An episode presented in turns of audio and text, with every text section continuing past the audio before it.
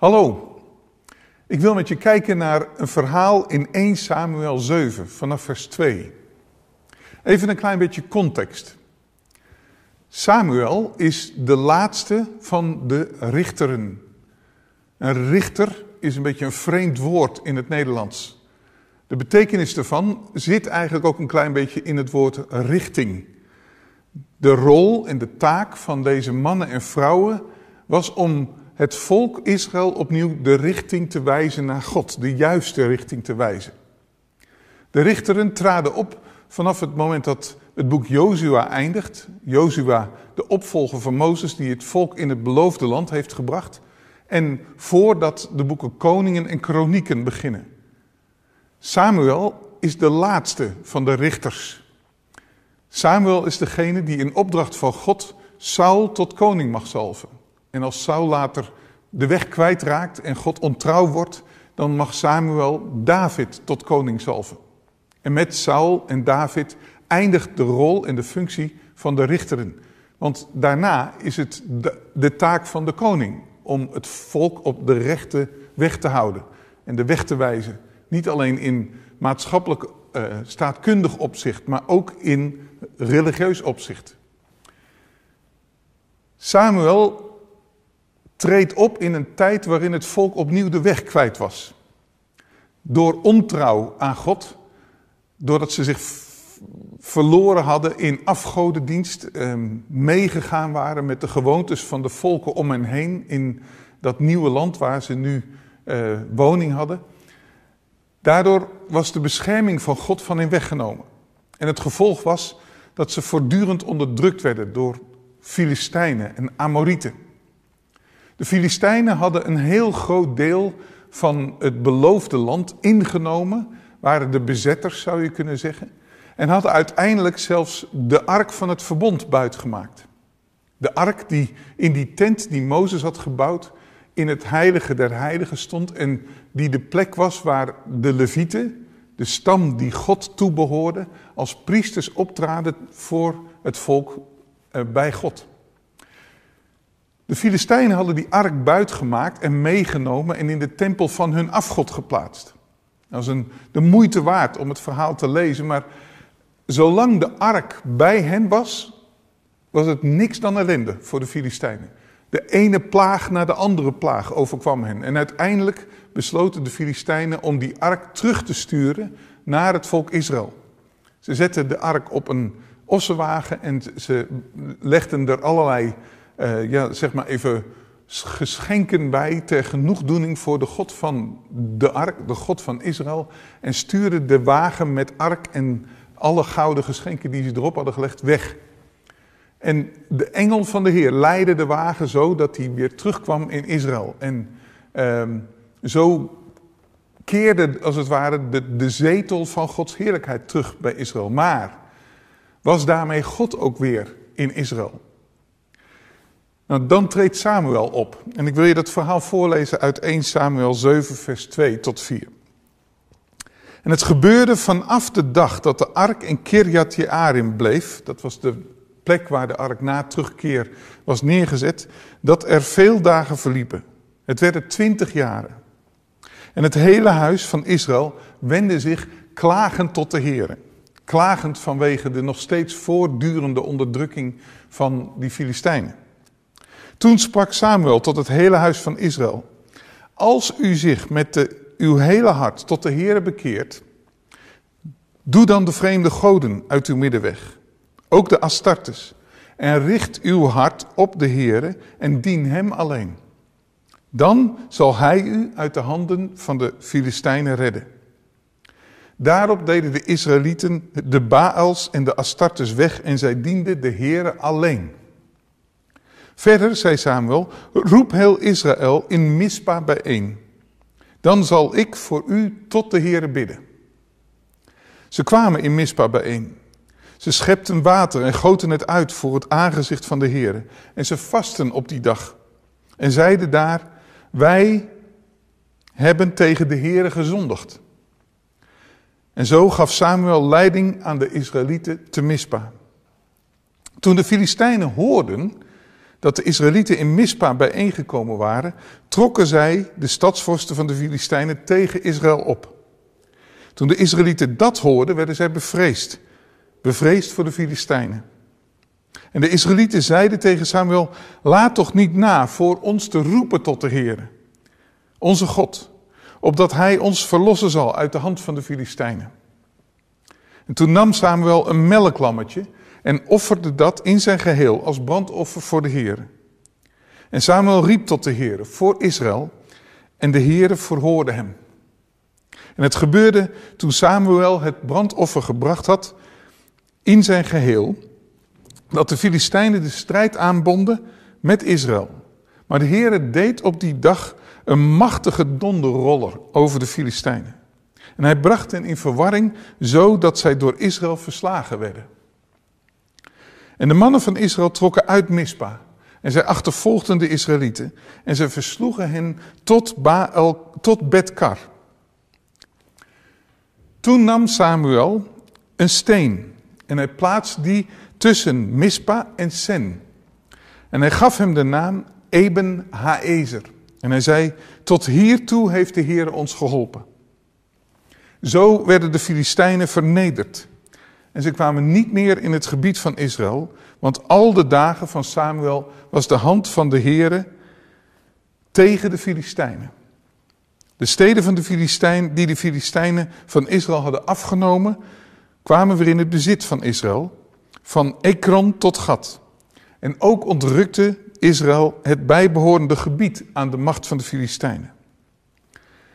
En er was vrede tussen Israël en de Amorieten. Je ziet eigenlijk drie opvallende dingen die Samuel doet. Allereerst is er een oproep tot bekering.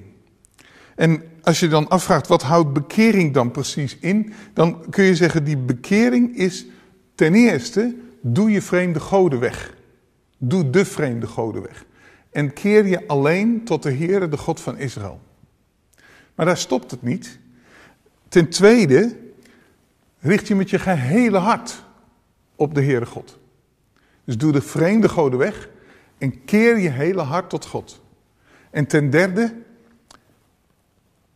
beleid de fouten die je gemaakt hebt. En dat zie je de Israëlieten dan doen als ze in Mispa samen zijn.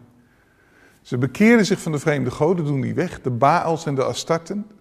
Ze keren zich tot God als hun enige hulp. En ze beleiden hun zonde bij Mispa.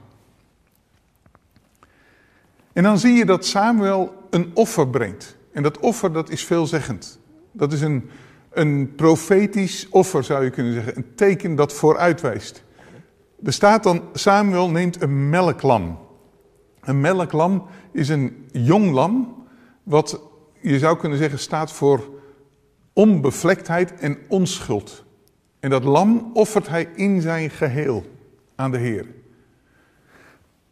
Als je later in het evangelie van Johannes, in Johannes 1, vers 29 leest, dan zie je dat Johannes, als hij Jezus ziet komen, zegt, zie, het lam Gods, dat de zonde der wereld wegdraagt. Dat lam wat in Samuel, in 1 Samuel 7 wordt geofferd, is een heenwijzing naar het lam. Het lam van God dat de zonde van de wereld wegdraagt. Ook de zonde van de Israëlieten, die zij daar bij Mispa hebben beleden.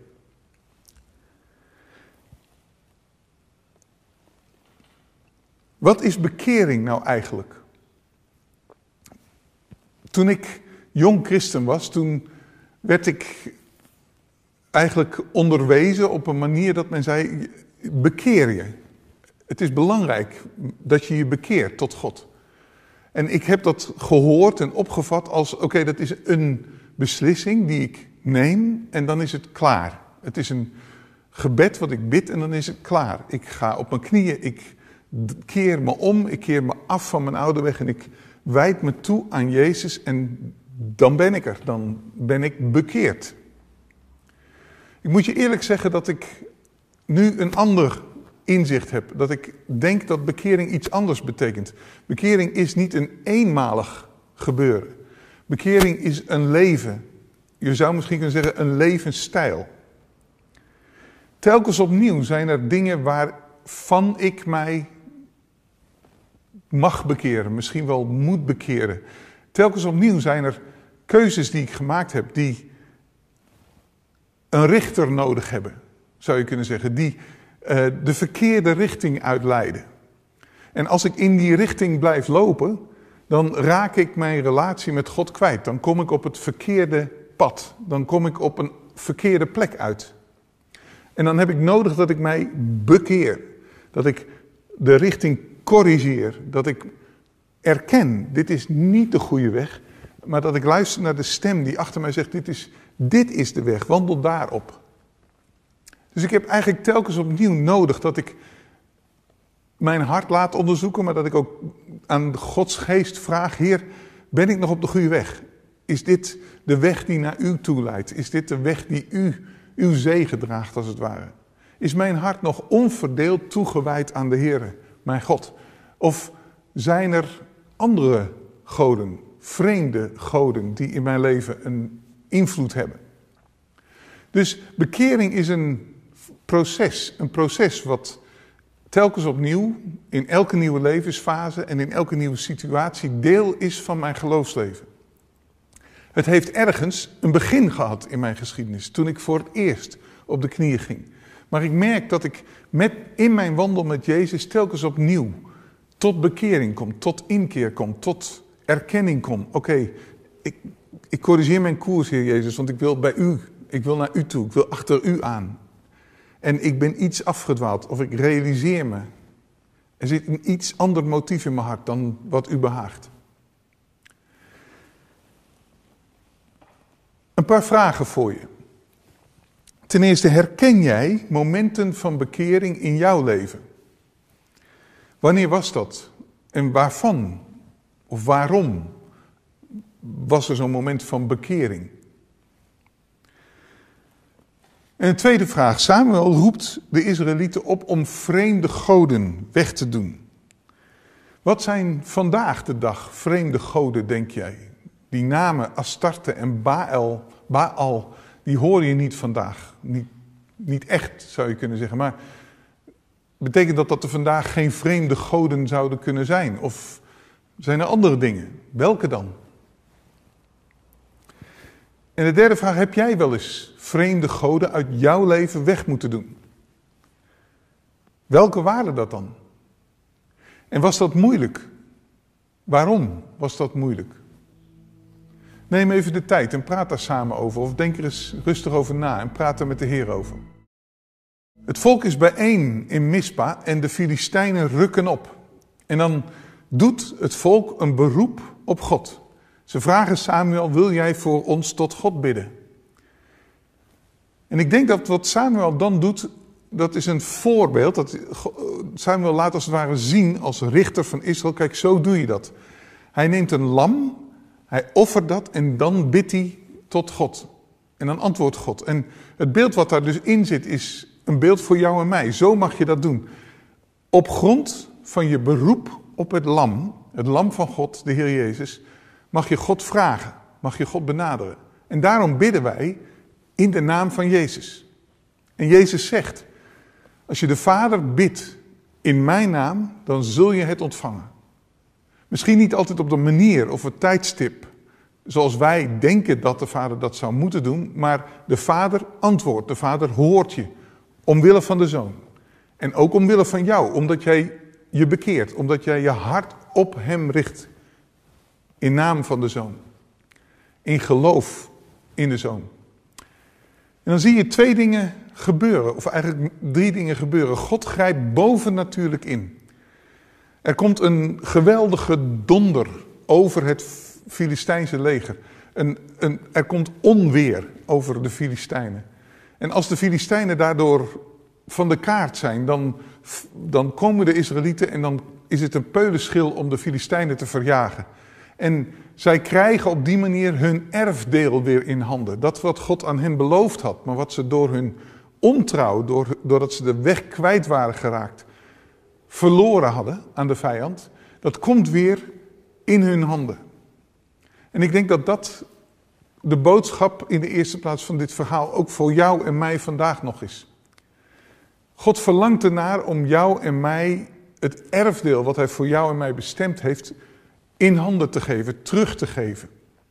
Maar de weg daar naartoe is bekering en dan zal God boven natuurlijk ingrijpen, waardoor het voor jou wel een inspanning is, maar niet meer een onmogelijke inspanning is om dat erfdeel in bezit te nemen.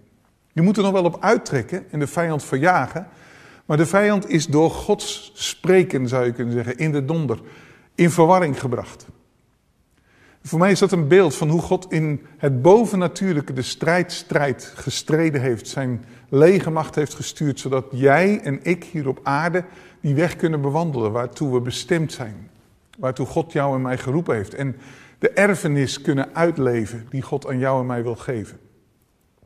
Je ziet daarna ook dat er vrede komt. Vrede met de Filistijnen die verjaagd zijn en de Amorieten die hen niet meer aanvallen. En ik denk dat dat ook een, een boodschap is voor jou en mij vandaag de dag nog. God heeft jou en mij bestemd om in vrede met Hem te leven en met elkaar. Niet zonder dat we iets te doen hebben. Nee, we, we, hebben een weg te wandelen om dat erfdeel te vullen en om als het ware dat leven te leven wat God bestemd heeft. Maar wel met vrede in ons hart, met rust. Niet meer met angst, maar met de wetenschap, oké, waar ik moeite tegenkom, waar ik in, in uh, moeilijke keuzes terechtkom, mag ik met een beroep op het lam voor Gods troon verschijnen. En dan hoort de Vader. En dan zal Hij in de hemel de weg bereiden, zodat ik hier op aarde die weg bewandelen kan.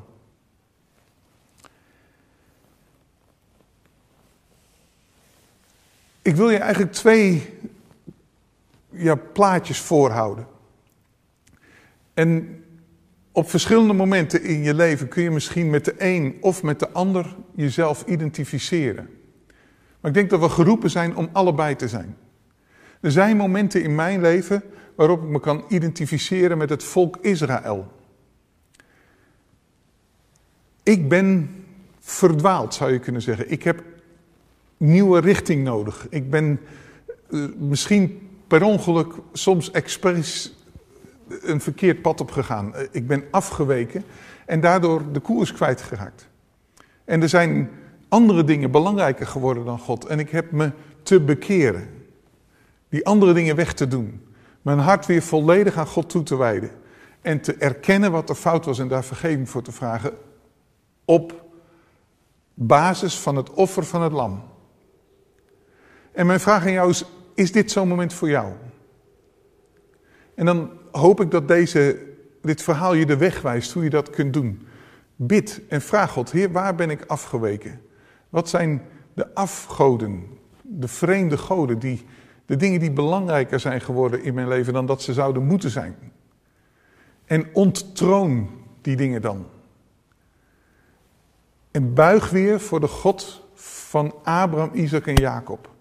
Buig weer voor de schepper van de hemel en aarde. In Jezus' naam. En wijd je hart helemaal aan Hem toe. En zeg, Heer, ik wil alleen op U vertrouwen. Die andere dingen die zijn misschien in zichzelf niet allemaal verkeerd. Maar ik wil niet daar mijn vertrouwen op zetten. Ik wil mezelf op, aan U toe vertrouwen.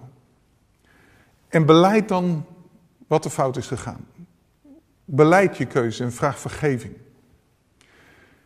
En dan kun je een beroep doen op God. Heer, de strijd waarin ik zit, help alstublieft. Help in Jezus' naam. Dus neem zo meteen de tijd. Als, je, als dat is waar je bent, doe dat dan. Maar er is een, ook een ander beeld in dit verhaal. En dat is Samuel.